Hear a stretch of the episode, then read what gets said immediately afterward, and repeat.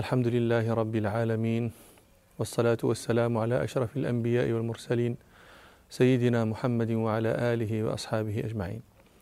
لا نزال مع رسول الله صلى الله عليه وسلم وقد أمر أصحابه بالصدقة لتجهيز جيش العسرة فجعلوا يتسابقون إلى ذلك كل بحسب طاقته وذات يده. وجعل المنافقون يلمزون المتطوعين في الصدقات والذين لا يجدون إلا جهدهم فيسخرون منهم. وزادوا على ذلك أنهم أزمعوا التخلف وطفقوا يذكرون أعذارا وربنا سبحانه يعلم إنهم لكاذبون. بل وأخذوا يثبطون غيرهم فأنزل ربنا سبحانه الآيات بفضحهم وإبداء ما كانوا يكتمون. ولم يكفهم كل ما ذكرنا من ضروب التخذيل والفت في عدد المسلمين بل أنشأوا يخوفونهم ويرهبونهم قتال الروم. فقد ذكر ابن إسحاق أن رهطا من المنافقين منهم مخشي بن حمير قال بعضهم لبعض ورسول الله صلى الله عليه وسلم منطلق إلى تبوك أتحسبون قتال بني الأصفر كقتال العرب بعضهم بعضا؟ والله لكأن بكم غدا مقرنين في الحبال ترهيبا للمؤمنين وتخذيلا لهم. فقال مخشي بن حمير والله لوددت أني أقاضى على أن يضرب كل رجل منا مئة جلدة وأنا ننفلت أن ينزل فينا قرآن لمقالتكم هذه. روى ابن أبي حاتم في تفسيره بإسناد حسن أن مخشي بن حمير قال لوددت أن أني أقاضى على أن يضرب كل رجل منكم مئة مئة على أن ننجو من أن ينزل فينا قرآن. فقال رسول الله صلى الله عليه وسلم لعمار بن ياسين رضي الله عنه أدرك القوم فإنهم قد احترقوا. فاسألهم عما قالوا فإنهم أنكروا وكتموا فقل بلى قلتم كذا وكذا. فأدركهم فقال لهم الذي أمر به رسول الله صلى الله عليه وسلم. فأتوا رسول الله صلى الله عليه وسلم يعتذرون. وقال مخشي بن حمير يا رسول الله قعد باسمي واسم أبي. قعد بي اسمي مخشي واسم أبي حمير. قال فأنزل ربنا سبحانه فيهم. يحذر المنافقون أن تنزل عليهم سورة تنبئهم بما في قلوبهم. قل استهزئوا إن الله مخرج ما تحذرون. ولئن سألتهم ليقولن إنما كنا نخوض ونلعب. قل أبي الله وآياته ورسوله كنتم تستهزئون. لا تعتذروا قد كفرتم بعد إيمانكم. إن يعف عن طائفة منكم تعذب طائفة بأنهم كانوا مجرمين. إن نعفو عن طائفة منكم قراءة. إن نعفو عن طائفة منكم نعذب طائفة بأنهم كانوا مجرمين. فكان الذي عفى عنه ربنا سبحانه مخشي بن حمير فتسمى بعد ذلك عبد الرحمن. وسأل الله أن يقتل شهيدا لا يعلم بمقتله فقتل يوم اليمامة لا يعلم مقتله ولا من قتله ولا يرى له أثر ولا عين. ومنهم من ذكر عذرا عجيبا ففضحه ربنا سبحانه روى الطبراني عن ابن عباس رضي الله عنهما وابن أبي حاتم في التفسير عن جابر بن عبد الله رضي الله عنهما أن رسول الله صلى الله عليه وسلم قال لجد بن قيس الأنصاري يا جد هل لك في جلاد بني الأصفر؟ فقال جد هذا أو تأذن لي يا رسول الله؟ يعني تأذن لي في التخلف القعود. فإني رجل أحب النساء وإني أخشى أني إن أنا رأيت نساء بني الأصفر أن أفتتن. فقال له رسول الله صلى الله عليه وسلم وهو معرض عنه قد أذنت لك. فعند ذلك أنزل ربنا سبحانه ومنهم من يقول ائذن لي ولا تفتني ألا في الفتنة سقطوا وإن جهنم لمحيطة بالكافرين. ولم يزالوا يفتلون للمسلمين في الذروة والغارب وتأتي آيات سورة التوبة بفضح إسرارهم وإطلاع رسول الله صلى الله عليه وسلم والمؤمنين على ذلك. فلذلك كانت هذه السورة عن سورة التوبة تسمى الفاضحة لأنها فاضحة للمنافقين. روى البخاري ومسلم في صحيحيهما. عن سعيد بن جبير قال قلت لابن عباس سورة التوبة فقال ابن عباس رضي الله عنهما التوبة هي الفاضحة ما زالت تنزل ومنهم ومنهم حتى ظنوا أنها لن تبقي أحدا منهم إلا ذكر فيها. وجاء بعض الصحابة ممن لم يكن عنده شيء يركبه يستحملون رسول الله صلى الله عليه وسلم ويستعينون به فحملهم صلى الله عليه وسلم. روى البخاري عن أبي موسى الأشعري رضي الله عنه قال ارسلني أصحابي إلى رسول الله صلى الله عليه وسلم أسأله الحملان لهم. الحملان يعني أسأله شيئا يركبون عليه ويحملهم. قال أرسلني أصحابي إلى رسول الله صلى الله عليه وسلم أسأله الحملان لهم إذ هم معه في جيش العسرة وهي غزوة تبوك. فقال قال أبو موسى فقلت يا رسول الله إن أصحابي أرسلوني إليك لتحملهم. فقال صلى الله عليه وسلم والله لا أحملكم على شيء. قال أبو موسى ووافقته وهو غضبان وأنا لا أشعر. يعني العلماء يقولون في تفسير هذا لعل أبا موسى ألحف في المسألة عند تعذر الإسعاف. تعذر آه، لرسول الله صلى الله عليه وسلم أن يسعفه وهو ألحف عليه في المسألة. فلذلك آه، يعني أغلظ له رسول الله صلى الله عليه وسلم بما ذكر. قال أبو موسى فرجعت حزينا من منع النبي صلى الله عليه وسلم ومن مخافة أن يكون النبي صلى الله عليه وسلم وجد في نفسه علي غضب مني قال فرجعت إلى أصحابي فأخبرتهم بالذي قاله صلى الله عليه وسلم. قال فلم ألبث إلا قليلا. إذ سمعت بلالا ينادي يا عبد الله بن قيس. فأجبته فقال بلال أجب رسول الله صلى الله عليه وسلم فإنه يدعوك. فلما أتيته قال صلى الله عليه وسلم خذ هذين القرينين. القرينان جملان مشدود أحدهما إلى الآخر مقرون أحدهما إلى الآخر. قال صلى الله عليه وسلم خذ هذين القرينين. وهذين القرينين لستة أبعرة ابتاعهن صلى الله عليه وسلم حينئذ من سعد. قال صلى الله عليه وسلم فانطلق بهن إلى أصحابك. قال فلبثنا غير بعيد فقلت لأصحابي نسي رسول الله صلى الله عليه وسلم يمينه. والله لئن تغفلنا رسول الله صلى الله عليه وسلم يمينه لا نفلح ابدا. إن تغفلنا يعني إن اغتنمنا غفلته ونسيانه يمينه لأنه وقال والله لا احملكم على شيء. قال يعني إن تغفلنا هذه اليمين من غير أن نذكره بها لا نفلح ابدا. قال فرجعنا إلى رسول الله صلى الله عليه وسلم فقلنا له يا رسول الله إن استحملناك طلبنا منك أن تحملنا. فحلفت أن لا تحملنا فظننا أنك نسيت يمينك. فقال صلى الله عليه وسلم لست أنا أحملكم ولكن الله حملكم. وإني والله لا أحلف على يمين فأرى غيرها خيرا منها إلا أتيت الذي هو خير وتحللتها. وجاء بعض الصحابة ممن لم يكن عنده شيء يستحملون رسول الله صلى الله عليه وسلم كما فعل إخوانهم فلم يجد رسول الله صلى الله عليه وسلم يحملهم عليه. روى ابن إسحاق أنه أتى سبعة من الأنصار.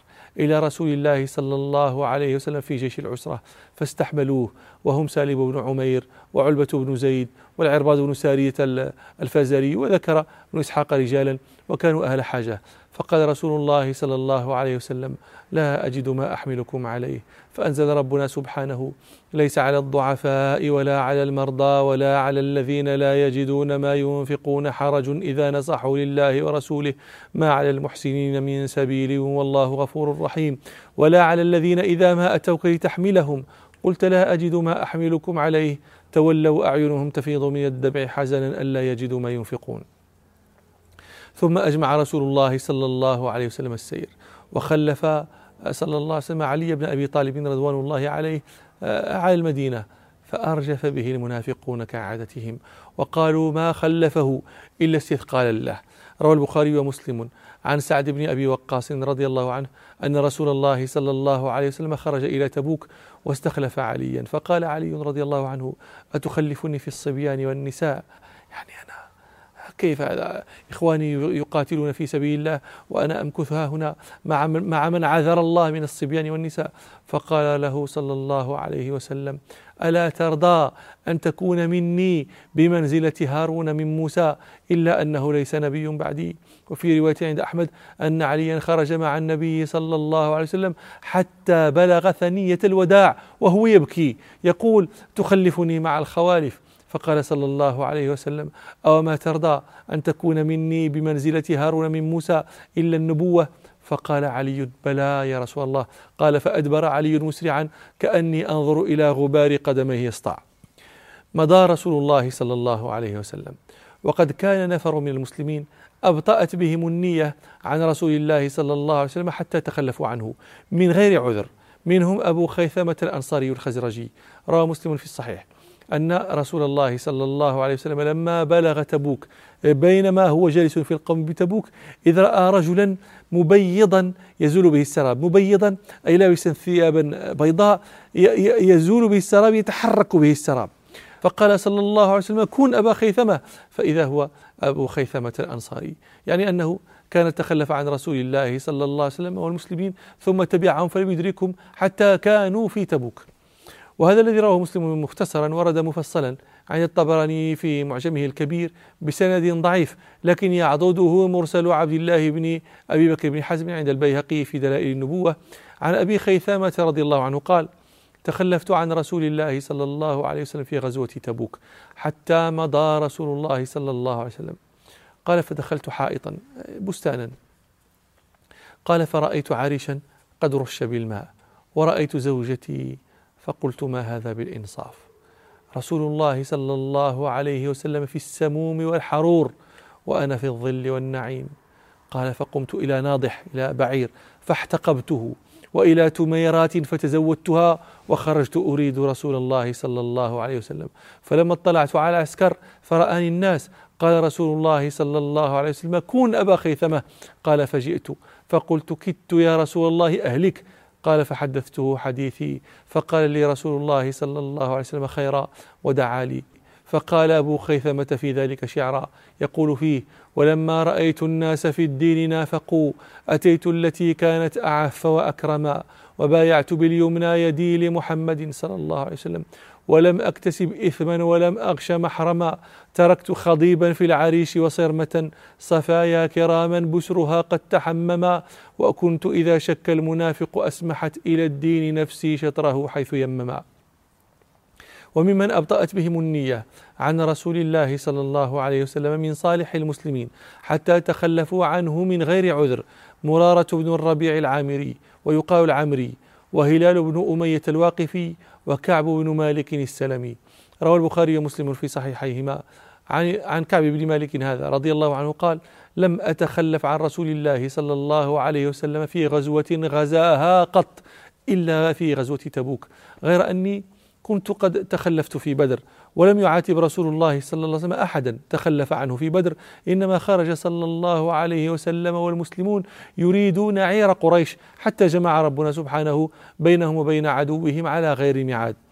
قال وكان من خبري حين تخلفت عن رسول الله صلى الله عليه وسلم في غزوة تبوك أني لم أكن قط أقوى ولا أيسر مني حين تخلفت عنه في تلك الغزوة. قال قال والله ما جمعت قبلها راحلتين قط.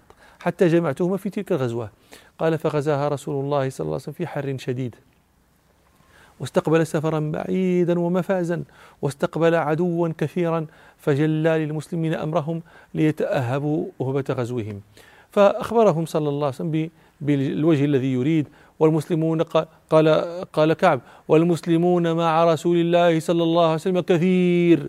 لا يجمعهم كتاب حافظ يعني لكثرتهم لا يجمعهم ديوان مكتوب لأنه قد قيل إنهم كانوا آه، نحو من ثلاثين ألفا. فيهم عشرة آلاف فارس وهذا طبعا عدد عظيم. ولذلك يقول كعب لا يجمعهم كتاب آه، حافظ.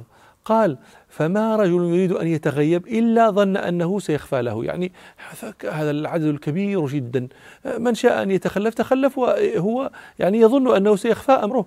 قال فما رجل يريد أن يتخلف إلا ظن أنه سيخفى له أمره إلا أن ينزل فيه وحي من الله عز وجل. قال وغزا رسول الله صلى الله عليه وسلم تلك الغزوة. حين طابت الثمار والظلال. يعني هو آه، يميل إلى الثمار والظلال آه، آه، أعظم من ميله إلى الخروج إلى الجهاد.